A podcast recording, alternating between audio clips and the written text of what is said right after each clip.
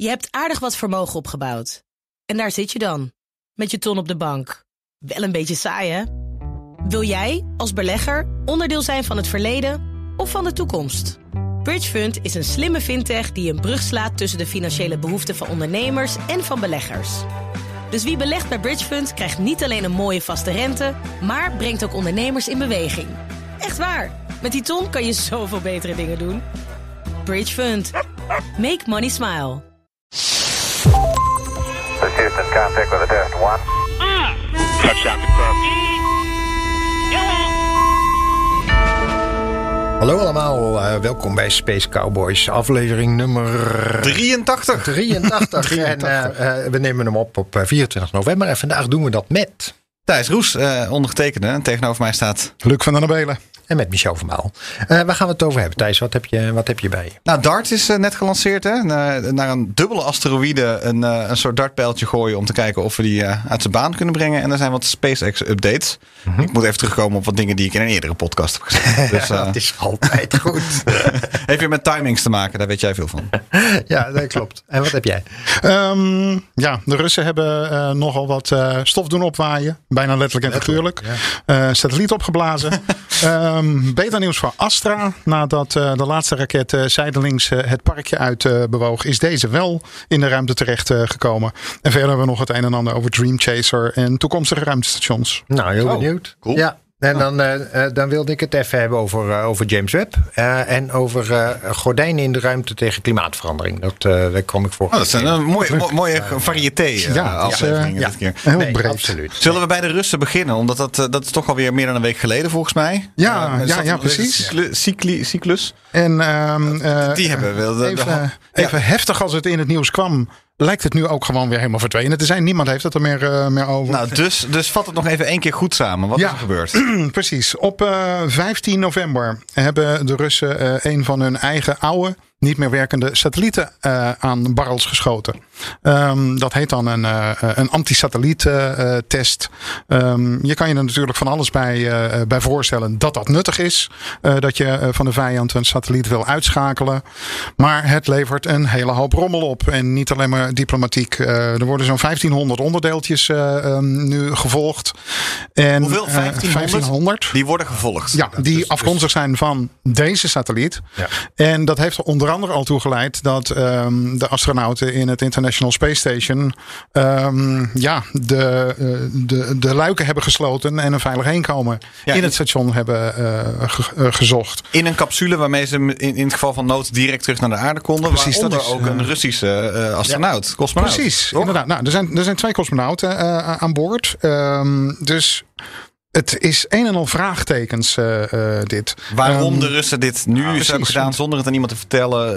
eh, Ja, het is gewoon politieke powerplay dit. Weet je, je wil bewijzen dat je het kan. Precies, maar het is dan denk ik zelfs een interne powerplay. Want ehm, ja, ehm, ehm, je hebt de, de, de, ruimtevaartprogramma's zijn redelijk gescheiden, militair en civiel. Maar ehm, ja, dat je hier als land een militair experiment doet waarmee je je eigen civiele eh, eh, burgers in de ruimte eh, in gevaar brengt, dat vind ik wel een hele opvallende. Dat, eh, Kijk nergens meer van op, als ik eerlijk ben. dat, Nee, nou ja, de- de- Rusland gedraagt zich natuurlijk al een tijdje wat anders dan eh, de gemiddelde wereldburger. Ehm, nou ja, dit, dit heeft in ieder geval wel tot een stroom van kritiek eh, eh, geleid. NASA-directeur heeft zich eh, eh, in, in felle bewoordingen uitgesproken. Natuurlijk eh, ehm, eh, militaire eh, afdelingen in, eh, in Amerika. China ook, dacht ik zelf. China heeft het Oh, ook Elke ruimtevaartorganisatie. Ja, China had eh, het toch zelf ook gedaan, laatst? Niet heel lang Eh, geleden? nee, dat is, dat is 2008 geweest, als ik eh, me, niet vergis. het is niet de eer, als ik het goed begrepen heb, het was niet de eerste keer. Zeker niet. Nee. India had het ook al eens het gedaan en zelfs Amerika zelf hoor. Ehm, maar dat was eh, eh, inderdaad eh, al, een, al een hele tijd geleden. Bij, volgens mij even- bijna 20 jaar terug. Dus ja, voortschrijdend inzicht eh, ehm, leidt ertoe dat in ieder geval de meeste gebruikers van de ruimte snappen dat je dit niet moet doen. Nee, want Ehm. hoe heet, eh, ehm, er is een, een effect, het heeft zelfs een naam toch? Eh, als je, Het Kessler-effect. het Kessler-effect. Dus je schiet er eentje uit de lucht, dat worden 1500 stukjes, die komen op andere terecht. Dat worden weer allemaal stukjes en zo sneeuwbalt het tot je Als, als, het, het, het schrikbeeld is, op een gegeven moment is er alleen nog maar puin boven je en kan je niet eens meer de ruimte, naar de ruimte toe. Maar wat er gebeurt bij, zo, bij, bij zoiets is, je, je, je, je schiet dat in, uh, aan gort, om het zo maar even te zeggen. Waarbij we eigenlijk alleen maar de, de grotere delen kunnen volgen. Hè? Dus uh, ik weet niet wat bij een 30 hangt, ik weet niet hoe hoog die zat. Maar me, meestal is het een paar centimeter, centimeter of vier. Zo wat je met radar nog goed kan trekken. Dus al, alle puin daaronder kun je sowieso al niet meer zien.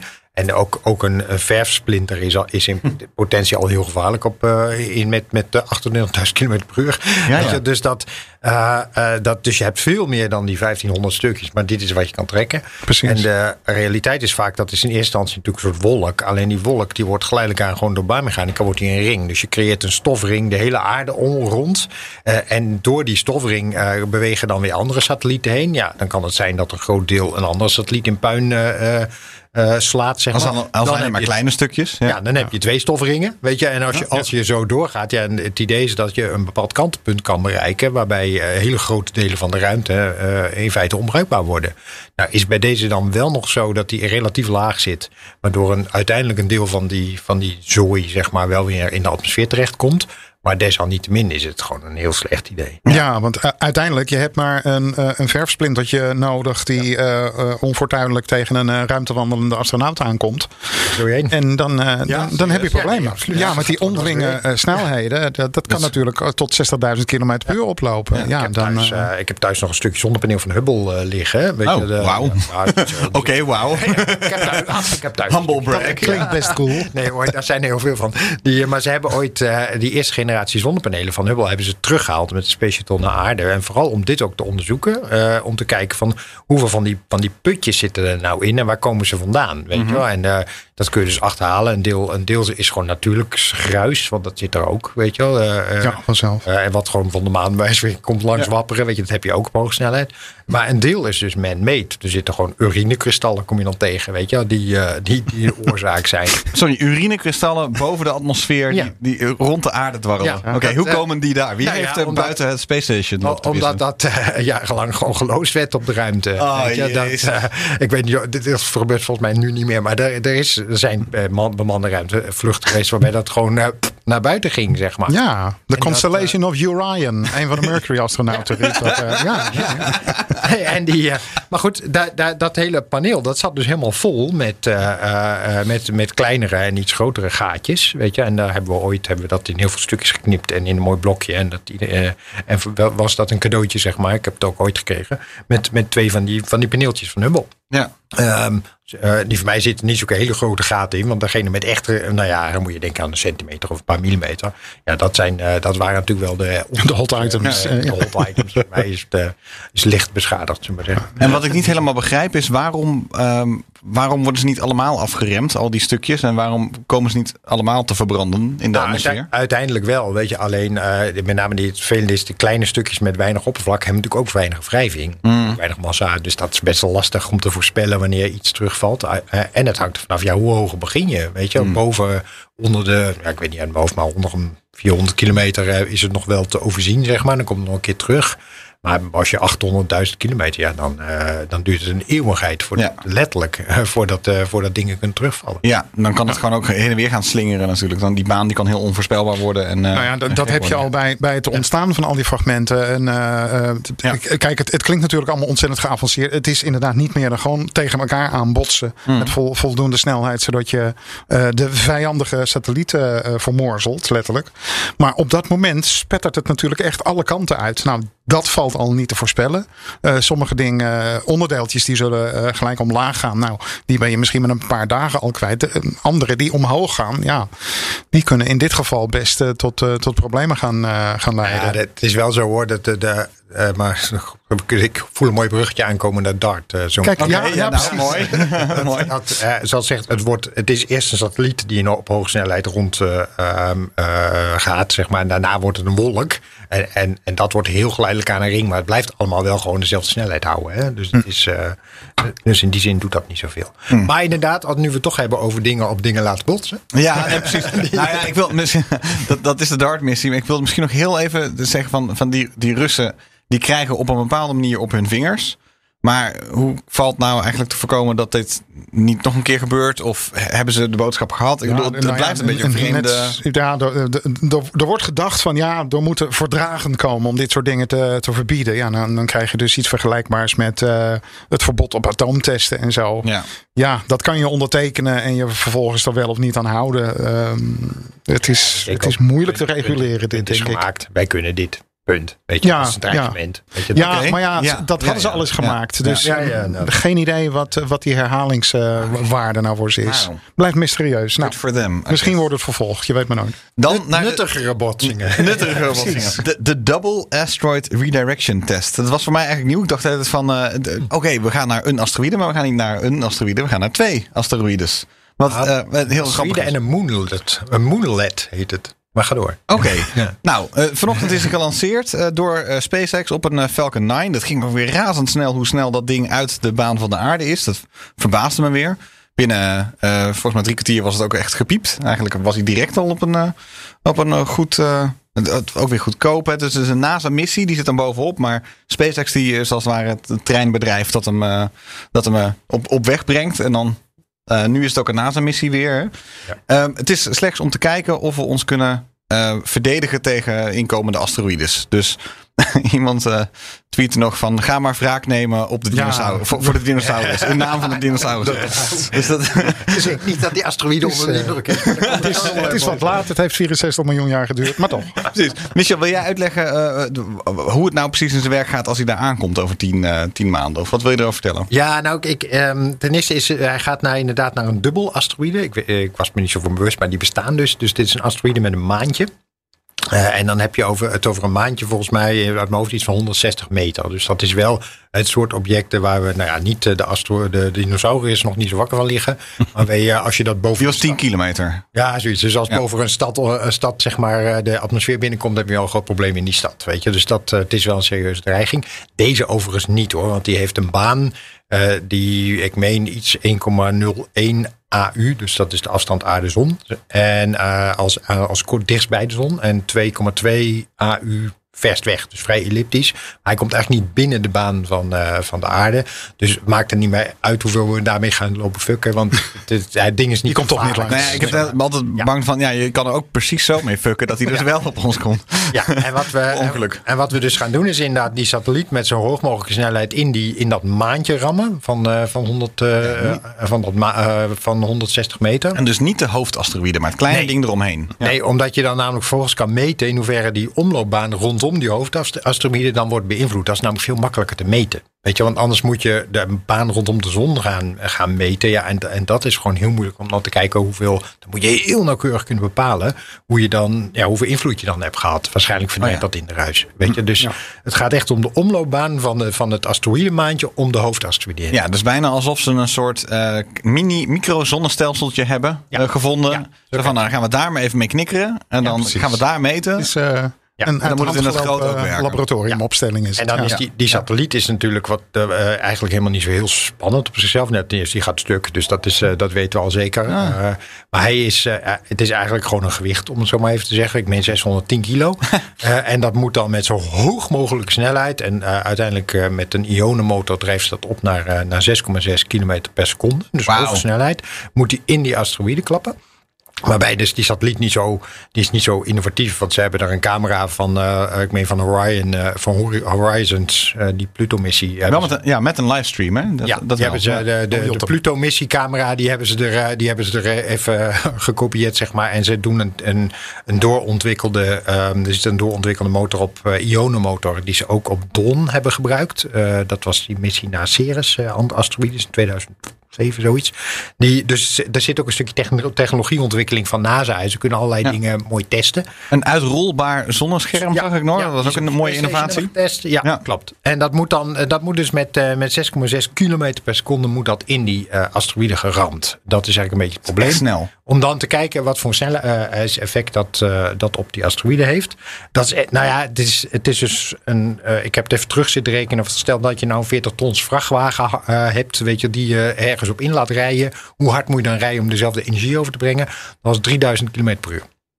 Oké. Dus dan heb je best een boel energie. En dan mogen jullie raden, heb even uit zitten rekenen, hoeveel uh, snelheidsverandering wordt verwacht dat die uh, asteroïde daardoor die enorme klap krijgt. Daar heb ik geen idee van. Ik kwam wel ergens tegen dat Hm. de baan van het maantje 10 centimeter zou opschuiven. Ja. Dus ja, heel dramatisch is het niet, maar help ons uit de droom. Nou, het is een millimeter per seconde. Wauw. In 1 millimeter, of het is minder dan een millimeter seconde, per seconde. Ik zat even achterkant bierveeltje, kwam ik op 0,9 en ik las ergens daarna, toen ik nog even ging nagooglen of, ik, of dit überhaupt kon kloppen, las ik dat ze een halve millimeter verwachten. En hoe, gro- hoe groot is nou dat maandje? 160 meter. 160 meter. En dus een ding van 600 kilo, 600 kilo Zo. met 3000 kilometer per uur. Op een ding van 160 meter is dus Ja. inderdaad een millimetertje. Van de, ik meen dat het 3,8 miljard kilo is de geschatte massa. Ja, ja. Weet je, dus het is, dat is een beetje het punt. Maar dat kunnen ze dus meten. dat kun je meten. Want het zou Vanaf een baan, hier of daar? Ja, van, dat doen ze vanaf hier. Om, ehm, eh, dat kun je vanaf hier meten met radar en zo. En ze hebben de. eh, ze verwachten dat de omloopbaan, en die, duurt- die duurt nu 12 uur, dat die dan met 20 minuten ongeveer verandert. Dus dat is, dat is dan wel dat, dat is, ja, inderdaad. eh, om, om te meten. En allemaal zodat het maar eens een keer gedaan is. Ja, vooral ook om te kijken, is dit überhaupt, mocht je ooit in de situatie komen dat, eh, dat dan je de echt een, ziet dat je een asteroïde hebt die over 10, 20, 30, 40, 50 jaar, ik bedoel volgende week, vergeet het hè, maar over 50 jaar op de aarde inslaat. Kun je die dan zo van baan laten veranderen? En je hoeft maar een heel klein beetje te doen, weet je, om, eh, eh, Ja. zodat, je, zodat, zodat hij ons dan net mist. Dat Want is- anders moet Bruce Willis met een nucleair wapen kant op. Ja, maar of dat Ja. nou zo'n goed idee is, ja, het enige, dan blaas je Hij was uitgenodigd trouwens, hè, Bruce Willis, voor de lancering. Ja, serieus, ja. Ik weet niet of het gekomen is, maar... Het is wel wat. Het, eh, het Deep is- Impact leuker trouwens, maar Ja, ja, in nou, plaats van ja. Armageddon. Maar goed, Ja, daar ja, zijn ja, nee, dat is echt de draak van de film. Nee, maar, die, eh, maar het, heeft, het heeft op zich inderdaad wel meer ehm, eh, effect als je een soort nucleaire bom zou laten ontploffen. Alleen scheelt geloof ik factor 10 of hooguit 100, zoiets dat het meer is. Alleen het nadeel is dat je volgens het risico loopt dat al die mm, eh, radioactieve stukken asteroïden vervolgens op jouw aarde neerregenen. Dus of het nou, dat is over het algemeen wordt dat toch gezien als niet zo goed. idee. Ze regen in de drup een beetje. Ja. Ja, precies. Eh, over tien maanden komt hij eraan, hè? Eh, Ergens in 2022. September ja. eh, volgend jaar. Ja, nou ja, super, super tof. Hij, is- hij onderweg. Ik hoop dus, dat ze hem niet missen. nee, dat zou ook nog wel. Nou ja, het kan nog, ja. Moet ik weer opnieuw gaan lopen darten. daar zit natuurlijk de echte, de echte, de echte knappe prestatie. Je probeert maar te raken. Ding. Ja. ja. ja, ik zag wat filmbeelden van een soort viziertje. Dat ze het echt gaan proberen. En dan ook nog met 3000 km per eh, seconde. Eh, is absurd. Nou, ja. Hele vette missie. Een hele toffe missie. Is wel. Houden willen we nog meer raken, Luc? Luc, jij hebt weer een Ehm, stapeltje, stapeltje nee, we- papiertjes. dus ik denk op, dat we... op, op zoek naar bruggetjes. Nee, inderdaad. eh, eh, Astra heeft hem eigen, eh, eindelijk geraakt. Kijk.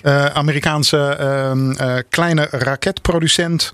ehm, die het nu eindelijk na de vierde keer is gelukt om daadwerkelijk een raket in de ruimte te krijgen, in orbit te krijgen. Geen satelliet aan boord, alleen een, een klomp aan wetenschappelijke meetapparatuur. Ehm, nou, een paar maanden geleden, in augustus volgens mij, eh, was de eh, derde poging van ze. Die maakte toen eh, nog wel headlines, omdat dat een raket was die 20 centimeter opsteeg. Vervol- Vervolgens iets van mooi op 15, zij, 15 meter prachtig rechtstandig zijwaarts ging. En eh, eh, toch de, de hoogte inging. Maar nou ja, helaas één motor was, eh, was uitgevallen. ehm, en op 33 kilometer hoogte knalde de boel alsnog uit elkaar. Het was nou ja, een, een het- fantastische meme op Twitter trouwens. Want je had, daar ging een raket omhoog en die was van Space X. En er ging een raket opzij en die was van Space Y. Dus dat Ja, ja, geweldig. Ja, zo, Zo, zo is het dan wel verdeeld, eh, inderdaad. Ja, nou ja, het, wat een beetje cynisch is, is dat deze eh, raket eigenlijk was ontwikkeld eh, voor het eh, DARPA Challenge programma van de Amerikaanse Defensie. Ehm, die wilde een systeem hebben waar ze, waarmee ze snel op korte termijn goedkoop satellieten konden lanceren. Nou, waren een aantal gegadigden. Astra was daar eentje van. En die deed zijn eerste pogingen in 2018. Dus ja, heel snel lanceren is er nog, nog eventjes niet bij. Eh, ze hebben het er nu wel over dat ze eh, ehm, eh, binnenkort eigenlijk zo ongeveer wekelijks willen, willen gaan lanceren. En het is dan echt het kleine spul. De raket is nog geen 12 meter eh, eh, lang. Hij kan iets van eh, 100 kilo eh, naar een lage aardbaan brengen. 100 Maar, kilo naar een lage aardbaan. ja, we hebben het in, in het verleden, lang, lang geleden, wel eens over Astra gehad. En het is al, el- elke keer interessant te zien, om te zien dat dus elke raket zijn eigen soort van hoogte en gewicht als niche probeert te vangen. Ja. En dus deze is inderdaad echt klein, laag. Ja, precies. Ja. Nou ja, en ehm, eh, nou ja, dan hebben we nog weer een bruggetje terug naar eh, eh, de ASAT-test. Ehm, eh, eh, Amerikaanse defensie zegt van ja, we hebben ons een beetje in de luren laten leggen door heel erg lang grote satellieten ehm, eh, voor militaire doeleinden eh, te ontwikkelen, die veel konden.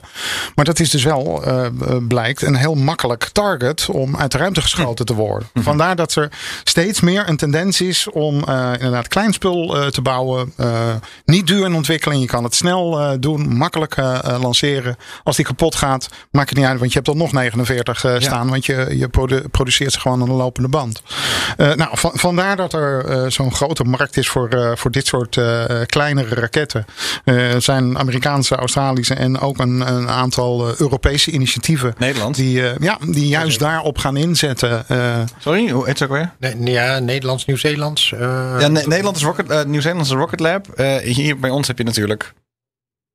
Nou, ik kom er zo even op ja, terug. van, nou, dat van Die Needle, hoe heet die? Die was van. vrienden van Der, maar ik weet niet. Nou ja, het, ehm, eh, ik, dit is even een opzoekje. Eh, De klok loopt. maar uiteindelijk is de vraag natuurlijk, wat kost het per kilo? Ja, uiteindelijk. Nou ja, goed. Inderdaad, die, die, die heilige, heilige gaalvraag in, de, in de ruimtevaart. Dat is hem inderdaad. Maar eh, nou ja, het, het is eh, uiteindelijk gelukt. En we kunnen er weer eentje toevoegen aan eh, de voorraad operationele raketten. Zullen we dan even over naar iets wat niet zo goed lukt? Oh, ja? James Webb? Oh, ja, want dat was iets met James Webb aan de hand. Ja, ik, zag, ik zag iets langskomen. Er trilde iets, iets werkte niet. Wat En, was, en, eh, en wij maar denken dat het na de lancering spannend zou worden. Nou ja, het begint nu al. en het heeft dan sowieso even het, eh, het harde nieuwtje is dan dus in ieder geval dat de lancering uitgesteld is tot de 22e van december. Voorlopig. Ja, en ik zei al in een eerdere podcast, als dat te dicht tegen de kerst aanschrijft, dan krijg ik een hard hoofd in dit, dit jaar. Ja, Dus ja. dat, eh, Nee, je, kan, je kan je voorstellen dat ze misschien allemaal al wel rekening houden met het feit dat ze natuurlijk met de kerst eh, niet thuis zijn. Dan, eh, Dat zou kunnen, ja. Dat, ja. Maar inderdaad, de, de grote interessante vraag is natuurlijk, wat is er nou gebeurd? Want het Ja. is niet helemaal duidelijk. Even, even ik, ik kreeg laatst van eh familielid te horen dat we ook altijd goed moeten uitleggen eh, Oh wat iets is. Zo, zo- want niet iedereen weet altijd precies wat er aan de hand is. James Webb is dus de opvolger van de Hubble-telescoop. En daar wachten we al 15 jaar op, of zo niet langer. Super duur, Eh, super super duur, ingewikkeld. super duur ingewikkeld. En het zal, eh, veranderen hoe wij over onszelf en het universum denken. Alleen dan moet hij wel de lucht in. En dat is een huzarenstukje, als het überhaupt lukt. zich. Ja, het al, had eigenlijk al gelanceerd moeten worden in 2007. Eh, dat werd 2011, dat werd 2014. Nou ja, af, het- het wordt Toen werd het 19 december en nu is het 22 december. Ja, dus het, en dat wordt 2022, maar dat geeft niet. Overigens was het bij Hummel niet anders. hoor. Die, die, die werd ook veel te duur en veel te traag. Maar uiteindelijk hebben we er veel lang plezier van gehad. Ja, Eh, zeker nog- heel lang plezier gehad. Maar wat, eh, wat, wat was er nu mis? Wat Ja, was het probleem? Nou ja, ze zijn natuurlijk vrij sumier in de communicatie. Dat is altijd wel met dit soort dingen. En er is blijkbaar een band eh, losgeschoten terwijl ze bezig waren om op de adapter te, eh, te monteren. Dus je hebt eh, de, de adapter, dat is het, eh, het fysieke, de ring eigenlijk die verbinding maakt tussen de raket en de satelliet. Eh, dus dat, eh, daar zit hij aan vast tijdens de lancering. En zodra die lancering klaar is, dan wordt hij van die adapter nou ja, losgelaten als het ware. En dan is hij zelfstandig in de ruimte. Eh, en bij het plaatsen op die adapter, ja, dan ben je toch aan het, aan het, nou ja, ding aan, met de ding aan het manoeuvreren. Is er blijkbaar een band eh, ehm, eh, losgeschoten. En dat heeft een trilling door, die, door, de, door de telescoop heen gejaagd. En ja, dat is, nou ja, de, de vraag is natuurlijk, hoe, hoe, hoe- dat, nou ja, als ik, ik zou heel graag een filmpje willen zien, maar dat laat ze natuurlijk niet. En we weten ook echt niet wanneer het is gebeurd, weet je, dus dat is allemaal een beetje onduidelijk. Dus of dit nou een soort van gedownplayed wordt en het was echt heel heftig, eh, eh, of dat het eigenlijk niet een veiligheids- of voor, voorzorgshalve even een extra check is, daar krijg je op dit moment nog niet vinger achter. Wat ze nu doen, is dat ze in feite kijken, kijk op zichzelf, hè, een trilling door de raket, eh, door, de, door, de, door de, de satelliet, door de telescoop heen. Op zichzelf, ja, dat ding moet straks gelanceerd. Ja. dat is een gigantische trilling. Weet je? Absoluut. Dus Ja, daarom, hij dat is gebouwd ja. om tegen trillingen te kunnen. Weet je? Dus dat op zichzelf is niet zo erg. Alleen, eh, ja, je weet dus niet wat voor soort trilling dit was. Nee, Of en in dat- welke richting, dat kan ook nog wel uitmaken. ja, en of, die, nou ja, dat, of dit frequentiebereik is. eh, eh, en het probleem is een beetje de volgende stap die je meestal, maar dit speculeren hoor, dit weet ik niet zeker. Maar de volgende stap die je meestal neemt is brandstof vullen. je na. Weet je? Dus je monteert het ding en dan is de volgende stap, je vult hem met brandstof. Dat is hydrazine en dat is gif. En als dat er eenmaal in zit, wil je er niet meer aan hoeven komen. Weet je? Dus vandaar dat, ze, dat ze denk ik voorzorg hebben en denken van nou we gaan dit even checken. eh, zo, zodat we daarna door kunnen met vullen. Weet je, als je daarna nog iets moet doen, ja, dan moet hij weer helemaal leeg. En nou, dan heb je echt hele forse vertraging.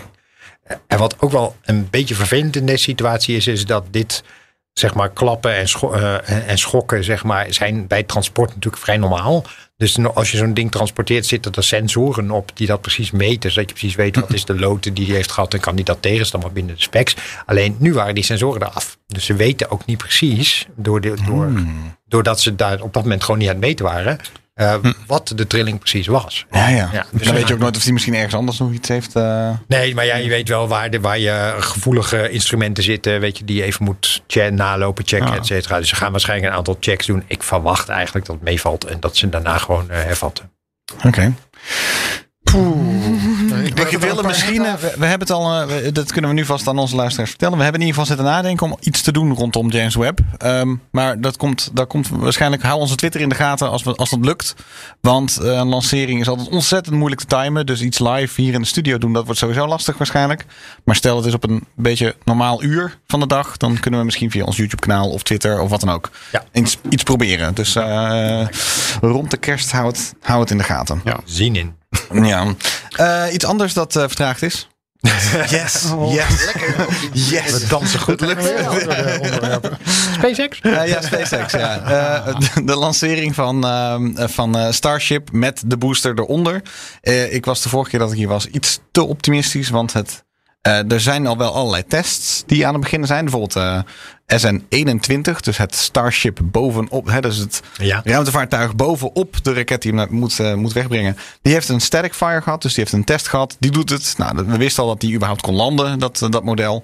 Nu is de grote vraag, wanneer gaat nu het hele ding met booster een orbitale vlucht maken? Een, hoe noem je dat in het Nederlands? Een orbital flight? Een, Ja, Een orbitale vlucht. een orbitale vlucht. in een baan om de aarde In een baan, worden. dank je. Ja, ja. Eh, Dat, dat, niet maken.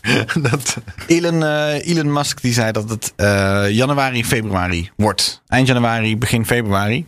Ehm, eh, tot die tijd zijn ze nog aan het testen. Hij had een interview gedaan bij de National Academy of Sciences, Engineering and Medicine. En daar had hij eigenlijk best wel wat. Dus zoek dat ook op als je geïnteresseerd bent. Daar heeft hij best nog een paar kleine nieuwtjes ehm, eh, naar buiten gebracht. Terwijl eigenlijk. Ehm, veel over eh, de Starship moet je eigenlijk gewoon weten door er naar te kijken en te kijken wat de fans doen. Maar hij, zij zelf, of SpaceX zelf, is niet zo scheutig met eh, inhoudelijke informatie. Ehm, bijvoorbeeld ook dat de volgende, eh, de eerste tests zijn allemaal gedaan met drie raketten eronder. Maar er komen dus 29 raketten onder die booster. Dat was te gek. Terwijl ehm, eh, het Starship dat naar boven gaat, die krijgt er ook wel meer. Maar waarschijnlijk ook niet in vol ornaat. Want Ehm, misschien dat die wel in een baan om de aarde gaat. Maar het eh, weer opvangen van die booster. Of het netjes laten landen van, de, van het Starship zelf. Dat gaat waarschijnlijk allemaal niet lukken in die eerste, eh, in die eerste vlucht. Dus waarschijnlijk landen ze hem gewoon eh, op, in de oceaan. En blijft er dan eigenlijk vrijwel niks meer van over. En wordt hij dan gewoon gescrapt. Dus dat, Als dat, eh, als dat omdondert, dan eh, ben je de boel eh, ook alweer kwijt. Ja, precies. Maar, ja. Maar ja, je wil hem wel graag hebben. Want je wil natuurlijk wel gewoon kunnen kijken wat, wat hij gedaan heeft. Ja, zeg maar. alle sensoren uitlezen en zo. Ik kan me voorstellen dat er een paar platformpjes met camera's in de buurt zullen, zullen Ja, liggen op dat, dat moment. Ja. Ja. Je ziet wel dat de ontwikkeling van, Star, ehm, van Starbase in, in Boca Chica in Texas heel snel gaat. Dus het idee is natuurlijk om die, eh, die booster die onder dat Starship zit te vangen aan twee soort van st- chopsticks. En die, eh, nou, dat begint te werken. Dus die toren die staat, die chopsticks die zitten erop, die kunnen al bewegen. Eh, nu is nog de vraag wanneer is hij sterk genoeg en klaar genoeg om... En denken ze dat het lukt genoeg? Ja, ja, ja. Is dat hij niet er tegenaan klapte dat ze weer opnieuw, opnieuw kunnen beginnen. Maar dat, het- dat is even afwachten. Waarschijnlijk, zei hij ook nog, volgend jaar komen er waarschijnlijk iets van 12 tests. Nou. 12 vl- vluchten om de aarde. Ik zeggen, 12 lanceringen. Twaalf Ja, dan moet- lanceringen, Dan moet je ja, natuurlijk precies, wel een precies. eh, Elon-factor tussen zetten. Ja, dus, eh, Dus dan wordt het er iets minder. het duurt dat het dan langer. worden. Nou, is ontploffen steeds meer. knap. Nou is ik, is knap, heb, ik heb met mijn eh eh, leke verstand en een leke gevoel wel zoiets van... jongens, zullen we eerst eens eventjes wachten eh, eh, tot we weten wat het ontsteken van 29 motoren in één raket doet met, met zo'n raket. Herrie, denk ik. Ja, herrie en vibraties. Wat trilt er allemaal uit elkaar? Welke onverwachte dingen gaan we, eh, gaan we tegenkomen? Ja, dat, die, eh, die dials Ze bijvoorbeeld. zullen niet starten met zoveel, neem ik aan, toch? Want het ding is zo, volgens mij op papier, als je ermee naar de maan wil, moet, moet die zo overpowered zijn dat ze niet meteen alle, al die motoren gaan gebruiken. Nee, dat klopt. Ja, dat is wel waar. Dus wat dat betreft zit er ook enige verwarring in tussen wat eigenlijk de ambitie is en waar nou die eerste maar- test dan daadwerkelijk maar waarom zou, als je niet van plan bent om 29 motoren te gebruiken bij de lancering, waarom zou je ze er dan in doen? Want je bent dan tientallen motoren kwijt omdat je je raket in de plomp gooit. Ja, nou, maar op zich ze hebben op dit moment de, de, ehm, die Raptor engines. Dat, dat, dat- ze zijn daar de productie ook flink van aan het opschalen. Dus ze zijn constant raketten aan het maken. En, en trouwens, Elon Musk zei al dat het eh, ontwerp van die Raptor 2, die er dus nu onder hangt, nu alweer verouderd is. En dat ze alweer naar een totale redesign aan het kijken zijn voor, de, voor die motoren die eronder komen. En dat die waarschijnlijk ook niet eens Raptor gaan heten. Oh ja. Dus eh, eigenlijk zo, zo grappig. Alles wordt nog anders. Ja, want je hebt het dan twee jaar lang andere- over, maar het blijkt allemaal totaal anders te gaan. Ja, Ja. Maar dan wel op methaan blijven draaien? Of dat, eh, Nee, methaan wel. Want volgens mij het hele ehm, uit first principles bleek gewoon van ja, methaan kan je overal in het universum makkelijk vandaan halen, relatief makkelijk vandaan halen. Dus eh, daar moet het dan bij blijven. En volgens mij is het idee ook, er was een soort, heb ik een keer langs zien komen, hoe ver het daarmee staat. Er is een soort vergunning aangevraagd voor het maken van een soort groene methaanfabriek in Boca Chica op de plek van de basis zelf. Oké, nou ja, op de plek zelf het kunnen maken. dat thema is trouwens ook nog eentje van de constraints. Eh, volgens mij lopen er ook nog allerlei procedures eh, eh, voor toestemming om überhaupt de dingen te mogen lanceren eh, wat betreft de environmental impact. Ja, En dat is ook nog niet eh, eh, klaar. Dus dat, dat zou eh, sowieso dit jaar al niet meer verwacht eh, eh, was er worden. ook niet een dingetje dat met het lanceren over continentaal eh, Amerika, wat ze wilden doen? Wat, ik meen dat ze, dat ze over land, namelijk naar het noorden, wilden lanceren. Of dat in ieder geval Ja. die baan over het land loopt op een of andere manier. Wat, wat, waar ze volgens mij bij de FIA ook nog niet zo heel groot Nee. fan Nee, daar zijn ze nog. Ik, ik zit voorstellen, eh, ja. ik had het langs zien komen inderdaad. En ze zijn er nog mee bezig. Dus Ja. op dit moment is het allemaal ingediend bij de FAA. En die moet nog een goedkeuring geven. Ja, Ja, ja, Ja, pre- ja, precies. nou ja, en verder, eh, eh, wat, wat Elon ook al had aangekondigd.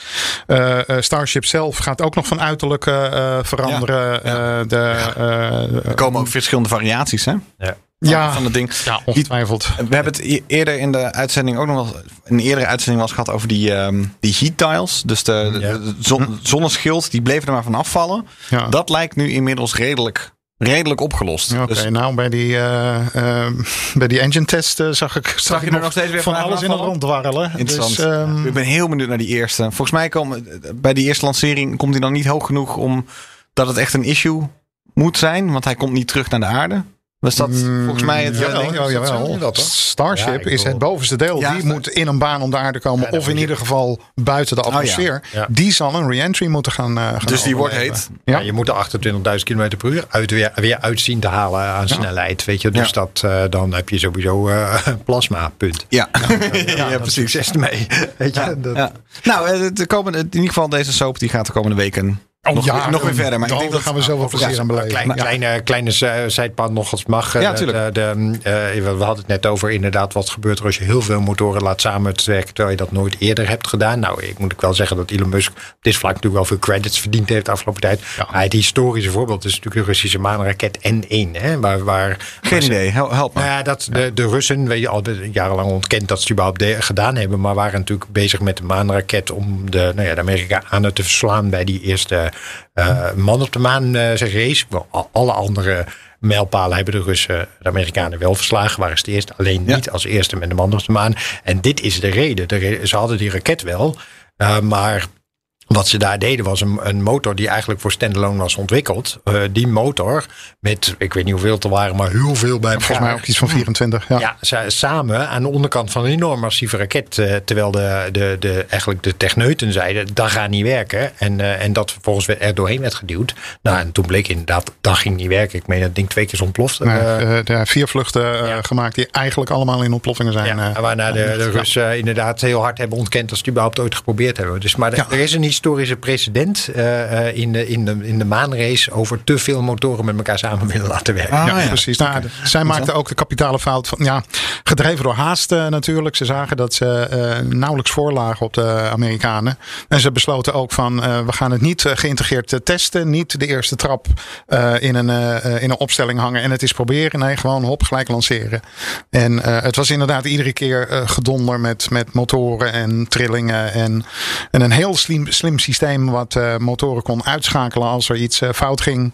En dat systeem dat eh, sloeg al door op hol, waardoor de hele boel weer naar beneden kwam. Dus, ja. Ja, van- waarvan achteraf de, de analyse overigens was, dat is een wel inter- interessante parallel misschien, is dat, dat de, de sleutelmoment was dat die hun hoofdingenieur, de ik even naam kwijt, die hebt de Kor, Koral, Koroljov. Ja. En, Kor- Kor- de Koroljov op een gegeven moment overleed. Ja. En, die, en dat daarna eigenlijk gewoon een soort van de regie weg was. Nou, Ja. Ik bedoel daar verder niks mee in de parallel natuurlijk voor de woorden. Nee. Maar je, het laat wel zien dat als, als dat één sleutelfiguur soms zo'n heel programma kan, eh, kan ontregelen. Volgens mij heb jij dat wel eens gezegd. Weet je, dat je afvroeg, wat zou er eigenlijk gebeuren als, als Musk uit de Nou, equation wordt gehaald? ik, Ja. dat is mijn Ja, zorg. Van, hij, moet wel, hij moet wel 80 worden. Dat, Ja. eh, nou dat, ja. eh, daar is een historische parallel voor in ieder geval. Ja, ja, precies. Ik dacht er net nog wel eventjes van. Het is natuurlijk ook heel goed mogelijk dat ze eh, straks eh, met 29 motoren eh, gaan testen. Gewoon. Of 33 trouwens. Ik zie even Ja, hij moet naar aantekening van 33 het gaan groeien uiteindelijk. Ja, naar 33 toe. Ja. Eh, maar het kan best dat ze die test met 29 eh, motoren doen. Als alles bevalt,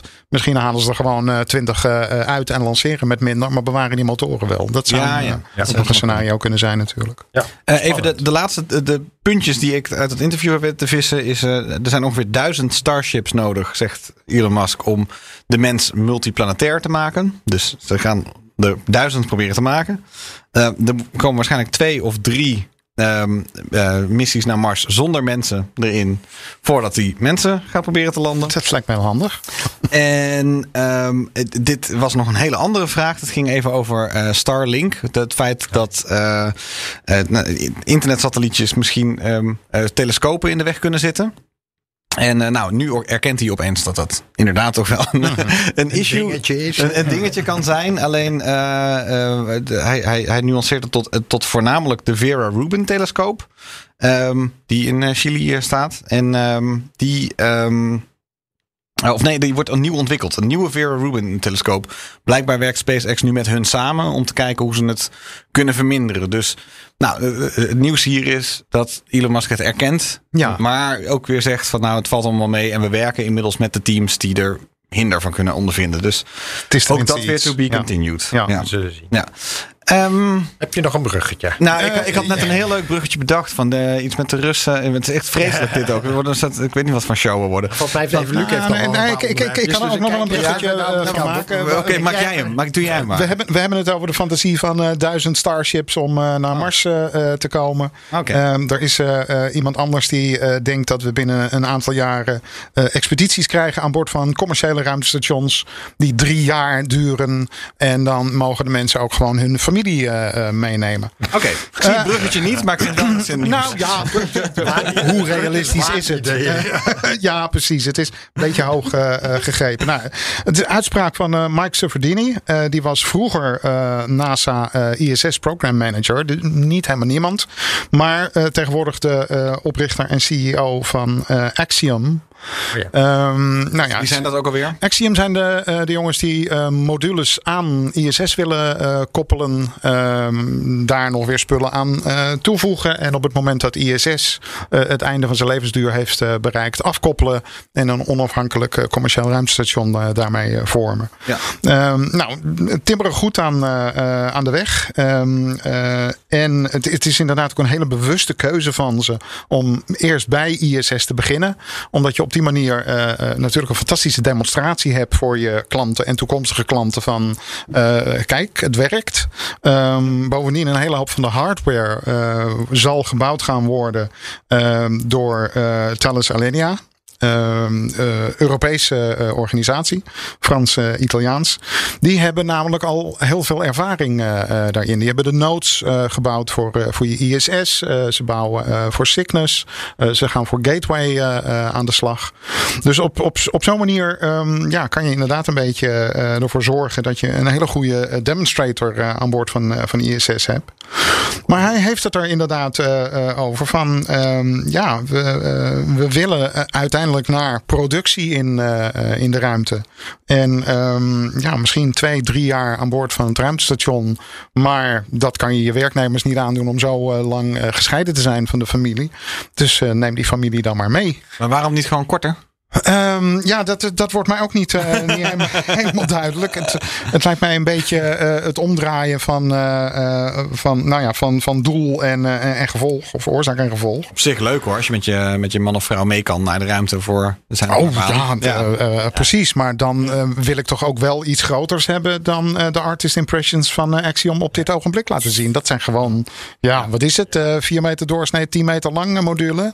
Ehm, ik kan me niet voorstellen dat je een opgroeiende puber daar eh, gelukkig eh, eh, houdt. Nee, Zonder dat hij een nee. beetje baseball kan. eh, eh, Ja, het, het klinkt, het klinkt dan voor mij als een PR-gebbetje hoor. Dat je denkt, eh, dit is ehm, eh, leuk voor de, voor de media-aandacht. Terwijl wat ze doen inderdaad eigenlijk wel slim is. Want Ja. eh, eh, het voordeel van op, op Space Station meelift is natuurlijk ook dat je voorlopig nog even niet verantwoordelijk bent. Weet je wel? Dus je, je nee, kan... precies.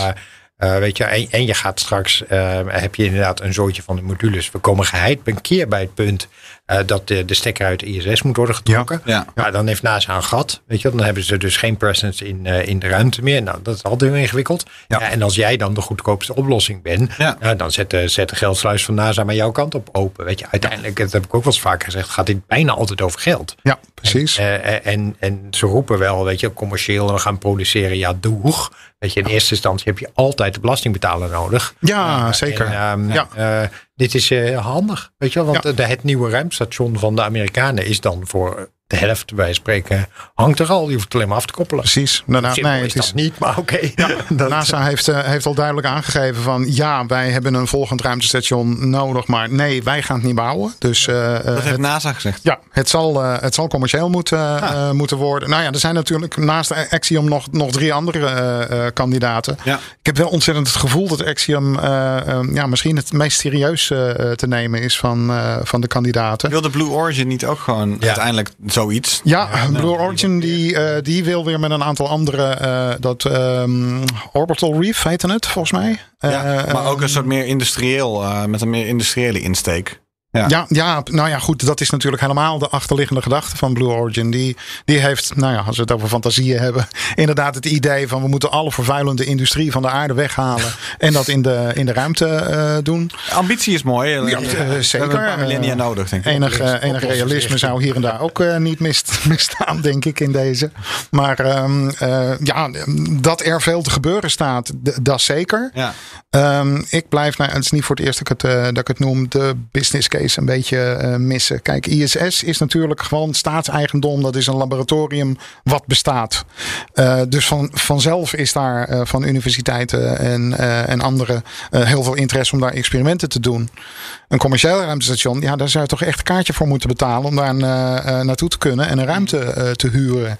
En die markt, ja, ik, ik zie hem niet zo eh, eh, Ja, die, komt wel, ontzettend. die komt wel hoor. Ja, ik, nou, Komt ik wel. Als- als- als- als- het sterk hoor. Als de lanceringskosten, als het, de, de kosten van het lanceren van iets naar beneden blijven komen, en dat doen ze radicaal, dan op een gegeven moment blijft het steeds goedkoper worden. En dan is dus de business case steeds verkoopbaarder. Ja, maar je hebt nog steeds wel zo'n breakthrough toepassing nodig. Waarvan je zegt van ja, maar dit is echt iets wat je alleen maar in de ruimte kan. eh, Ja. En, en superveel geld waard. Weet je wat, wat het commercieel de moeite waard maakt om die enorme investering te kunnen doen. Ja, en ik zie hem niet. Nee. Weet je wel, dat, eh, dat is natuurlijk ooit in een lang, lang geleden, eh, lang verleden tijd is dat begonnen met, met kristallen. Want eh onze Ja. Lodewijk van den Berg, de allereerste in Nederland geboren astronaut, eh, zeg maar, goed Ja. formuleren.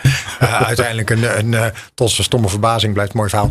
Een stoeltje in die eh, in, in de Space Shuttle heeft opgeleverd. Hij was namelijk kristaldeskundige, een van de toppers eh, in de wereld.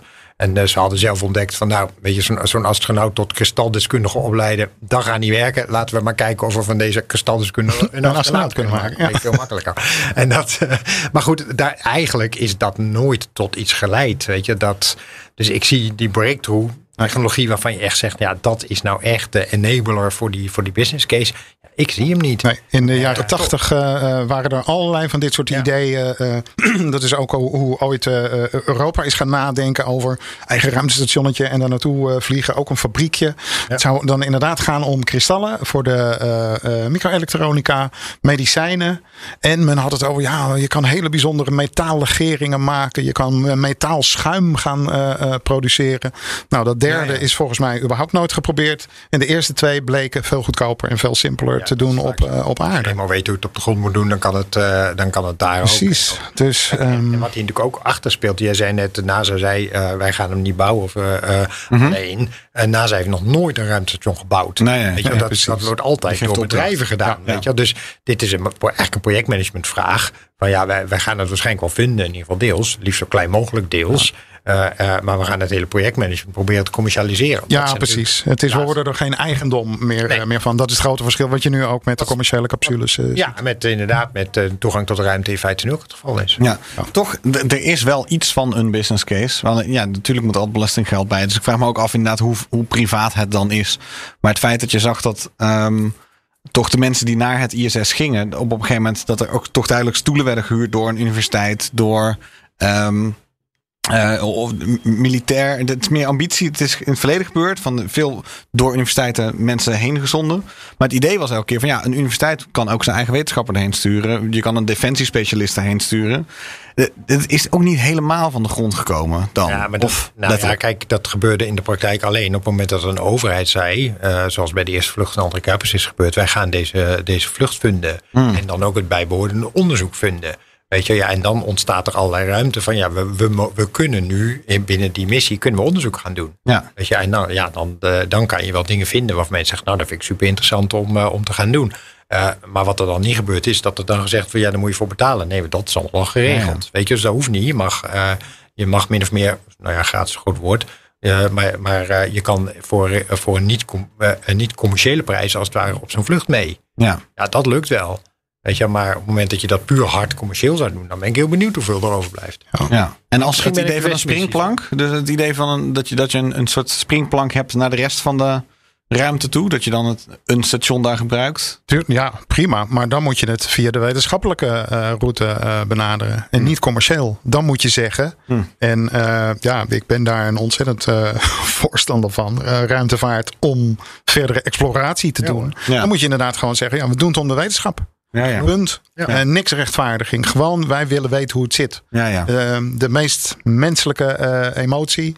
Op het moment dat jij eh, in het land waar je voor het eerst bent, eh, ehm, je appartementje eh, hebt bekeken en je koffer hebt neergezet. Wat doe je? Je gaat naar buiten, je loopt die heuvel op en je wil weten wat er aan de andere kant is. Ja, en dat doe je op grote schaal door, door de ruimte in, in te gaan. En dus bij Blue Origin gaat het voornamelijk om industrie. Ik zit elke keer te denken van ja, haal dan uiteindelijk een asteroïde met kobalt en nikkel deze kant op. En dan betaalt het zich voor alles. Dat, Ja.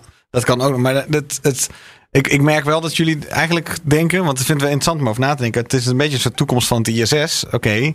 De- Het nieuws is nu eigenlijk, er is een bedrijf dat probeert dus daar aan vast te bouwen om het dan ooit over te nemen. Maar het lijkt er dus wel op alsof ISS toch ook wel... Het, oorspronkelijk zou die al lang... eh, hij is al meerdere malen verlengd. Is Ja. al zo ver voorbij zijn... eh, Nou ja, kijk, die, de Russische onderdelen zijn natuurlijk het oudste. Mhm. Uh, West-Duitsland uit 1998, even uit mijn hoofd. ja. Dat is, eh, nou, waar zitten we nu? Eh, 23 jaar oud. Voor een Russisch eh, st- stuk uh, ruimtevaarttechnologie is is dat, nog niet zo heel erg oud. Dus het kan nog wel, en met, met kunstvliegwerk nog wel een tijdje mee. Maar er, er, er zit een, een eh, beperkte houdbaarheid aan.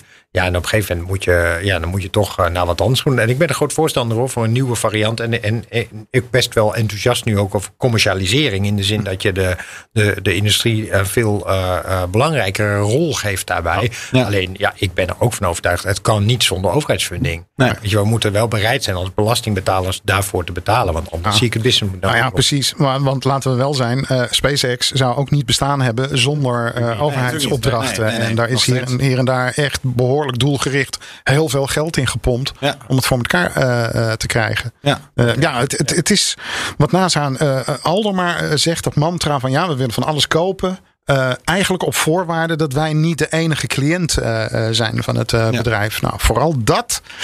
Wauw, dat gaat een hoop moeite kosten om dat echt voor elkaar te gaan krijgen. Zeker als het over bemenste systemen gaat. Ja, als ik even, ik, pak, ik heb even erbij gepakt tot wanneer de missie van ISS loopt. En eh, heeft een eh, authorization tot 2030. Maar de, het budget is eigenlijk pas ge- nog maar gedekt tot 2025. Dat lijkt me nog redelijk, redelijk normaal. Ehm, maar de strategie is uiteindelijk van als we verder willen, voorbij eh, low Earth orbit, dan moet eigenlijk eerst dat ruimtestation is, da- dan moet die economie in low Earth orbit eigenlijk volwassen zijn.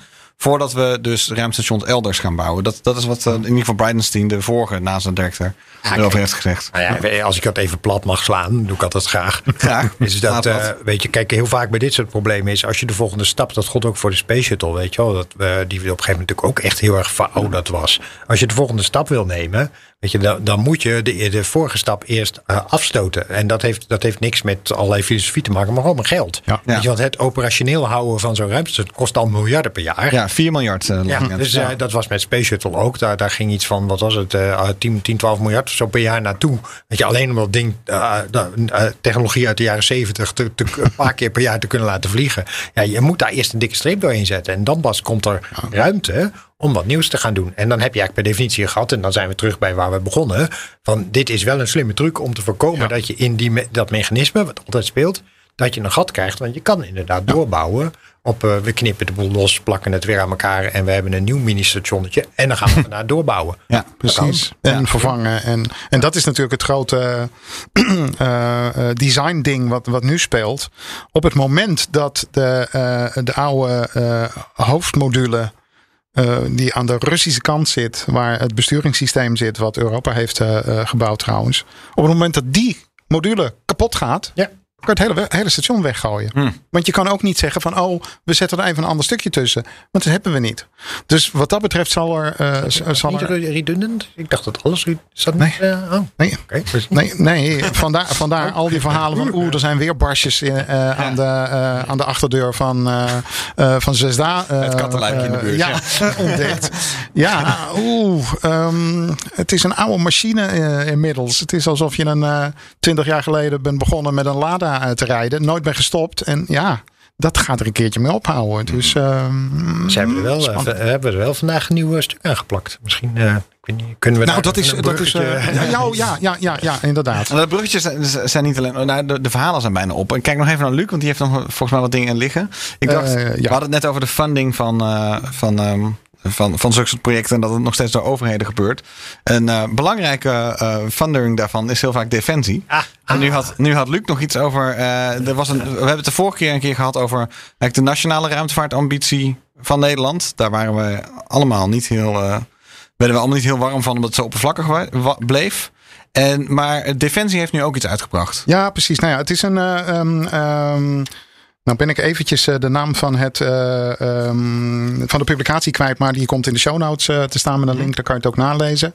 Ehm, het is een publicatie uit juni en daar worden gewoon een aantal eh, baanbrekende ontwikkelingen in het space domein eh, eh, toegelicht. Nou, dan denk je van, oeh, nou, nou gaat het helemaal spannend worden en James Bond en weet ik veel. Ehm, valt, valt wat mee, maar het geeft in ieder geval een klein beetje wat meer concreets van wat we daarna eigenlijk uitspoken daarboven. Want ik, ik heb daar nooit zo'n ontzettend helder beeld van eh, gehad. Ehm, nou, het zijn er zes. We gaan ze even kort doornemen. Gezamenlijk optreden tegen ruimtedreigingen. Ehm, dat gaat dan in het kader van een overeenkomst in 2014 is ondertekend. Responsive Space Capabilities. Ehm, nou, bijna de hele wereld heeft daar aan, eh, aan meegewerkt. Ehm, ruimtedreigingen eh, identificeren. Ja, dat wordt dan niet verder toegelicht. Maar ze richten zich vooral op eh, de mogelijkheden die nieuwe kleine satellietconstellaties bieden voor militaire doeleinden. Ehm, dus dat geeft weer een nieuwe beweging aan van oké, eh, eerst state-funded, toen commercieel en nu gaat de defensie die dingen eh, dus weer van commercieel naar eh, militair ja. maken. Zag je bij Galileo ook. hè? Ja, ja, precies. Nou ja, be- plaatsbepaling is natuurlijk eh, een heel, een heel belangrijk eh, ding. Ehm, tweede is dat Nederland en Noorwegen eh, eh, gaan samenwerken in eh, de Millspace 2-missie om radarsignalen te monitoren. Dat doet mij ontzettend denken aan de verklikker die de Thunderbirds eh, vroeger hadden. Van, oh, camera alert, er worden foto's van ons genomen. Nou, iets, iets dergelijks eh, eh, gaan zij opzetten om te kijken wie is er nou alles met radar in de gaten eh, aan het houden. Nou, Past op zich wel bij Nederland. Het wordt heel hoog ingezet op sensoren. En eigenlijk alles boven in de ruimte gaan af, afluisteren, aflezen, afkijken. Dus, ja, eh, precies. Nou ja, al die, eh, al die eh, gathering van informatie, eh, van informatie eh, eh, levert natuurlijk ontzettend veel data op. ja. Ehm, satellietdata verzenden met lasercommunicatie. Die is ook zo'n eh, eh, zo'n ding.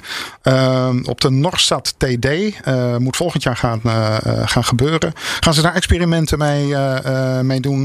Omdat het inderdaad via de tra- traditionele eh, manieren steeds moeilijker wordt om die enorme informatiepakketten allemaal eh, naar, eh, naar de aarde te krijgen. Het zal ook wel met beveiliging te maken hebben, denk ik. Dat laser over het algemeen een stuk moeilijker te onderscheppen is dan. Dat kan je bij deze informatie natuurlijk heel goed voorstellen. Ja.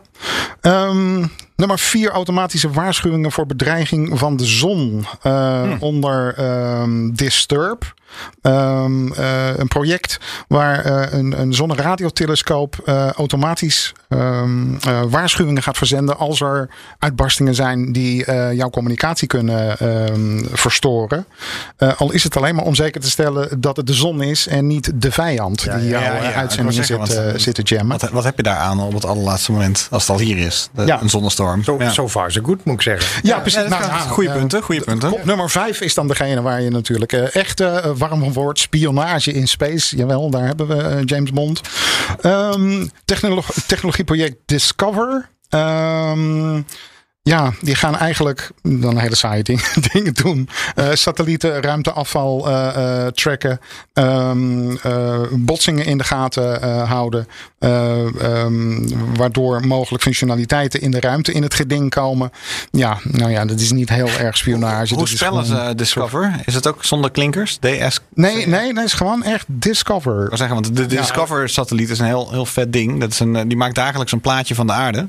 Oké, dat wordt ja. ook wel de, de, de El Gore-satelliet eh, genoemd. Want die had Ja. mooi bedacht. Die dacht, het is leuk als er elke, elke dag een plaatje van de aarde wordt gemaakt. Dus er is een, dat ding heet Discover. Zoek maar eens op. Ja, nou, en de timelapses van ook. kan je En er is nog een veel zien. eerdere Discover. Eh, eentje eh, uit de jaren 60. Die, eh, een Amerikaanse spionagesatelliet. Die inderdaad foto's maakte op film.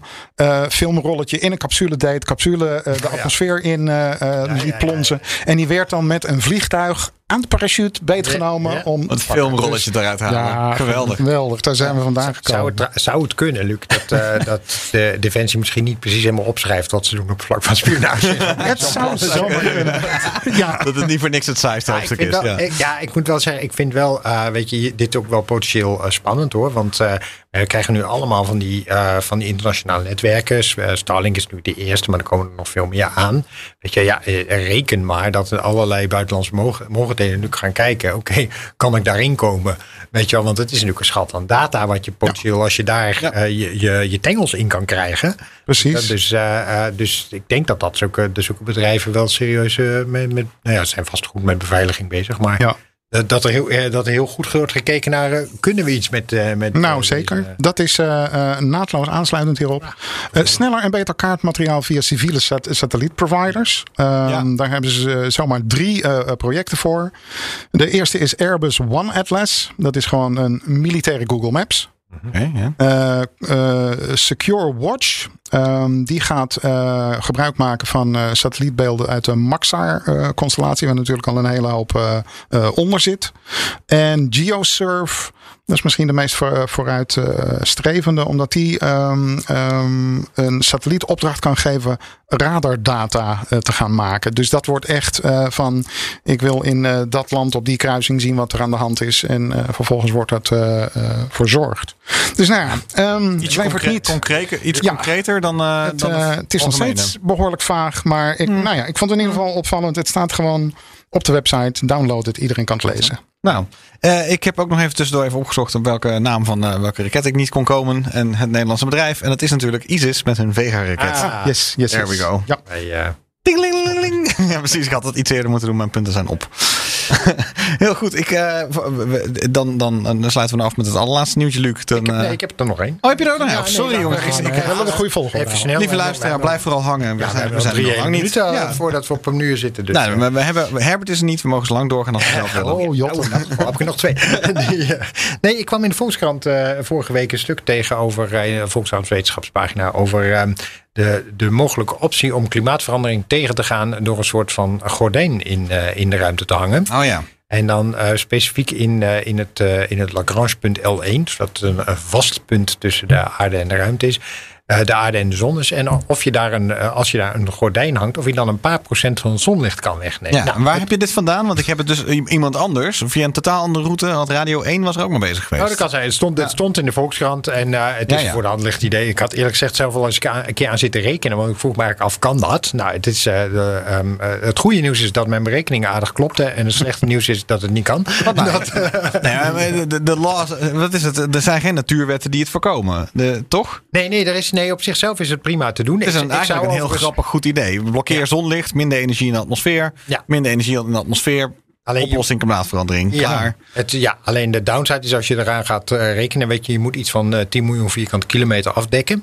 Eh, dus dat wil, wil je een paar procent effect hebben. Kan, ik denk dan aan een procent of twee, dat zou significant gaan schelen. Ja. Nou, nou zou, was mijn eerste conclusie toen ik dat, dat voor mezelf aan het uitrekenen was, oké, we gaan niet één scherm van 10 miljoen eh, maken, maar kunnen wij eh, kun je een, eh, eh, een miljoen schermen eh, van 10 vierkante kilometer maken. Weet je, je hoeft natuurlijk niet één Ja. scherm, dat is veel makkelijker.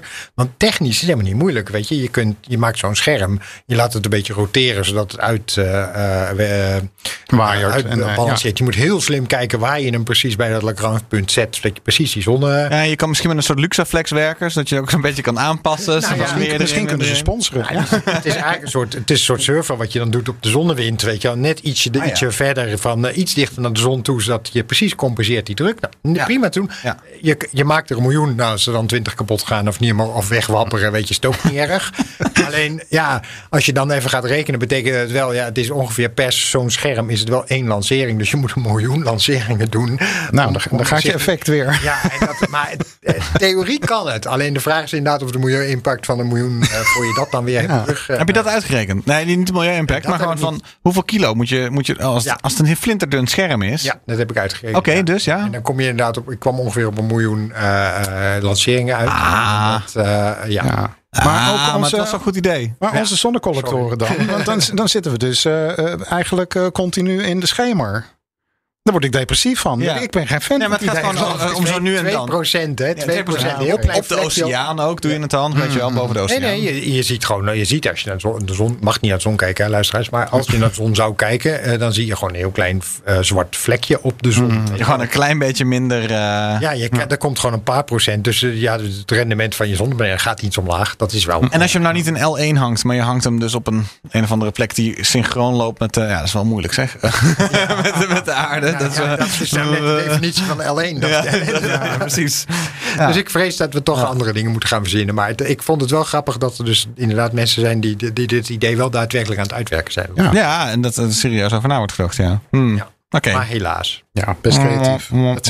Ja, Lu, had je nog wat, eh, Luc? Heb jij wel de oplossing voor klimaatverandering ja, vandaag ja, la- laten we gewoon bij grote fantasie eh, blij- blijven. Alhoewel, dit, dit zou hem wel eens kunnen worden. Ehm, Dream Chaser. Oh ja.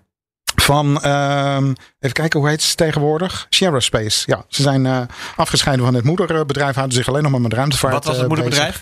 Eh, dat was eh, Sierra Nevada Corporation. Oké, en nu Share Space met hun, wat zei je? met de Dream Chaser. En wat is de Dream Chaser? De Dream Chaser is een eh, eh, klein ruimtevliegtuigje. Eh, eh, het kleinkind van eh, de Space Shuttle wordt het wel eens eh, ehm, genoemd. Beetje, Oh. een beetje Hermes voor de liefhebbers. Ja, de Space beetje- Shuttle, het beetje- Space Shuttle idee is terug. Ja, nou ja, goed. Dan wel eigenlijk alleen maar voor personenvervoer. Eh, het ding is in ontwikkeling en gaat ook vliegen. Maar dan in de vrachtversie. Eh, in 2014, eh, toen NASA bezig was met eh, allerlei contracten uit te delen om astronauten naar het ruimtestation te brengen, was Dream Chaser een van de, van de kandidaten. Zij werden het toen niet, alleen Boeing en SpaceX werden geselecteerd. Maar een paar jaar later, toen er nog een extra contract werd uitgedeeld voor vrachtvervoer, hebben ze een onbemande versie gepitcht.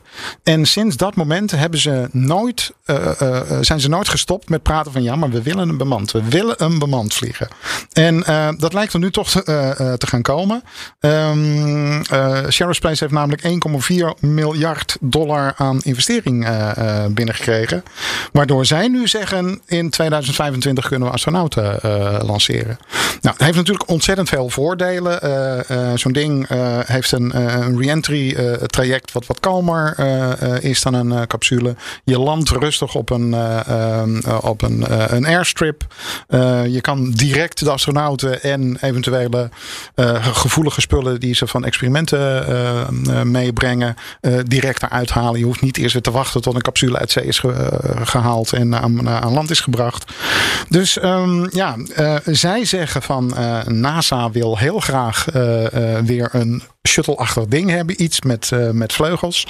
dus ze zijn enthousiast. Um, ik moet eerlijk bekennen, ik ben gek op dingen, uh, uh, vliegende dingen met vleugels. dus ik kan niet wachten tot, tot de astronauten aan boord van de Dream Chaser klimmen. Sponsorship voor de podcast, begrijp maar ik als leek uh, heb altijd gehoord dat de Space Shuttle een slecht idee was. De Space Shuttle was een slecht nou. idee vanwege de vorm waarin ze gekozen hebben. Zij hebben, NASA heeft destijds en er zijn heel veel oorzaken uh, voor te noemen. Uh, de keuze gemaakt van we gaan vracht en bemanning uh, samen lanceren in één superding. Nou, dat werd veel te groot en veel te ingewikkeld. Dit is echt een heel klein ruimtevliegtuigje. stel je er ook niks bij, bij voor als je aan de beelden uit de shuttle denkt van vroeger. Dit is echt, er is één pijpje ruimte waar zes man een beetje half liggend wow. op elkaar gepropt kunnen zitten. That's it. En uh, nou, misschien hebben ze inderdaad nog, uh, nog twee rugzakjes met, uh, met vracht die ze mee kunnen nemen. Ja, ja. Maar dat is het. Een soort propellervliegtuigen tegenover een 747, zeg maar. ja, ja dus iets, iets, iets dergelijks. Maar concept wel het idee wat Hermes natuurlijk ook had. Ja. en inderdaad, het, het, het, scheiden van vracht en, en, en mensen is natuurlijk verstandig. Want anders moet je namelijk iets bouwen wat gecertificeerd is. Helemaal gecertificeerd is uh, of voor uh, veilig genoeg is voor mensen. Ja. Uh, terwijl, je, terwijl je in de praktijk, zeg maar, een groot deel van de tijd ben je gewoon vracht aan het vervoeren. Weet je wel? Dat, nou ja, het is alsof je een vrachtwagen koopt omdat je naar je schoonouders moet rijden. Weet je, het is gewoon niet handig. Weet je, dat. Ja. en het was natuurlijk ook die herbruikbaarheid, waardoor je technologische ontwikkeling stilviel. Weet je, dus maar dat betekent niet per se dat iets met vleugels een slecht idee is. Nee, ja, ja. nee precies. Het lastige is alleen wel, dat klinkt heel paradoxaal. Het is veel moeilijker om een klein shuttletje te bouwen dan een grote. Oh, waarom? Omdat je uh, alles wat je aan leefsystemen uh, oh, nodig hebt, uh, koeling, weet ik veel. Dat kan je veel makkelijker in een lekker groot apparaat kwijt. Um, wat maar zes man mee kan nemen. Als je dat heel klein maakt, ja, je hebt toch al die spullen nodig. Nou, dat was ook een van de problemen waarom Hermes mislukt. Want het, het was allemaal niet in te passen. Ja, dus de, nou, tijd, de tijd was niet rijp voor. Nu, nee, precies, inderdaad. Uh, uh, en dit ding wordt inderdaad gewoon alleen maar gebouwd op taxi naar boven en naar beneden. Verder helemaal niks. Um, dus um, of het 2025 gaat worden, twijfel ik. Maar ik heb er een beetje goede over. nog wel een charmante samenwerking van deze, deze club. Want die, werken, die hebben als klant of werken samen. Ik weet niet hoe ik moet zeggen. De, de United Office for uh, United Nations Office for Outer Space. Ik wist niet eens het bestond. maar de, het kantoor van de Verenigde Naties. Uh, en blijkbaar uh, zijn ze samen bezig om een, ruimtevlucht te, uh, te organiseren voor landen die geen ruimtevaartorganisatie hey. hebben. En dat ja. vond ik wel op zijn minst heel charmant. Weet je, dat je dan ook op die manier ook vanuit toch, toch wat overheidsgedreven. Uh, het, nou ja, mensen die niet zelfstandig aan ruimtevaart kunnen doen, maar wel de mogelijkheid geeft om in Verenigde Naties verband uh, een, een ruimtevlucht te kunnen organiseren. Ja, precies. Dan gaan ze inderdaad. credits. Ja, zeg maar. ja die, die vlucht is inderdaad geboekt. En die, die gaat dan gevlogen worden met zo'n met zo'n vrachtversie, als het ware. Zodat ze, ik geloof, iets van twee weken of zo ja. tijd hebben om, om experimenten in gewichtloosheid te doen. Dus, Reken maar dat daarna, dat daarna wel gekeken zou worden naar een bemande. zeker. Nou ja, goed. Uh, Sierra Space is, is, nou ja, al jaren aan het pushen. Ja. Dus uh, ik ben heel benieuwd. En ik moet wel zeggen, er zijn ook steeds minder landen met, uh, die geen space programma hebben. Er zijn ontzettend veel landen bijgekomen die het allemaal wel hebben. Dus van Portugal tot Marokko, tot volgens mij Congo en, en Zuid-Afrika en nou allerlei, allerlei plekken. Mongolië zie ik. Nou, Litouwen. Ja. ja. die mogen allemaal niet meedoen, maar nee. wel... die kunnen wel meedoen. Ja, blijven er nog genoeg over. Ja. ja. Hebben we nog iets? Uh, ik denk het niet. Nee, ik zeg, maar nu je dat zegt, wij hebben in Nederland, we hebben NL Space, maar we hebben niet een, hebben wij een heldere ruimtevaartorganisatie. We doen alles in ESA-verband. Nou, wij hebben, wij hebben een, eh, een deel van, eh, eh, hoe heet het, de NSO. Dus, maar dat is een agentschap van, eh, Ja. van economische zaken. Ja. Een agentschap van economische zaken. Office. Ja, Ja, dat is niet- Space Office. Ja. Ja. Ja. Het is NASA en ik zin natuurlijk ook. Weet je, ze hebben alleen meer geld. Ja. Aan, Ja, aanzienlijk, de ja. administration. Ja, ze zijn ook inderdaad wat dat betreft alleen maar gewoon een... Ja, een, astro- een Ja. Amerikaanse astronaut is een ambtenaar. Dat, ja, eh, ja, dat is waar. Ja. Europees ook. ja, ja, Ja. ja. Ja. Nee, dan zijn we er nu lekker, oh, lekker over de tijd heen. Lekker door alles heen. Sorry Herbert. ik denk dat het, eh, ik denk dat het allemaal meevalt. Ehm, ik, eh, ik sluit af met het laatste feit dat ik, eh, dat ik nog zag. Dat SpaceX denkt dat er in 2023 de Starship commercieel vliegt. Nou, Elon time. am- am- ambitie, tijd. ambitie is altijd Tot goed. die tijd. We wachten het af. Dankjewel. Volg ons op Twitter. Space Cowboys Pot. En tot de volgende. Tot de volgende keer. Kino, hoi hoi.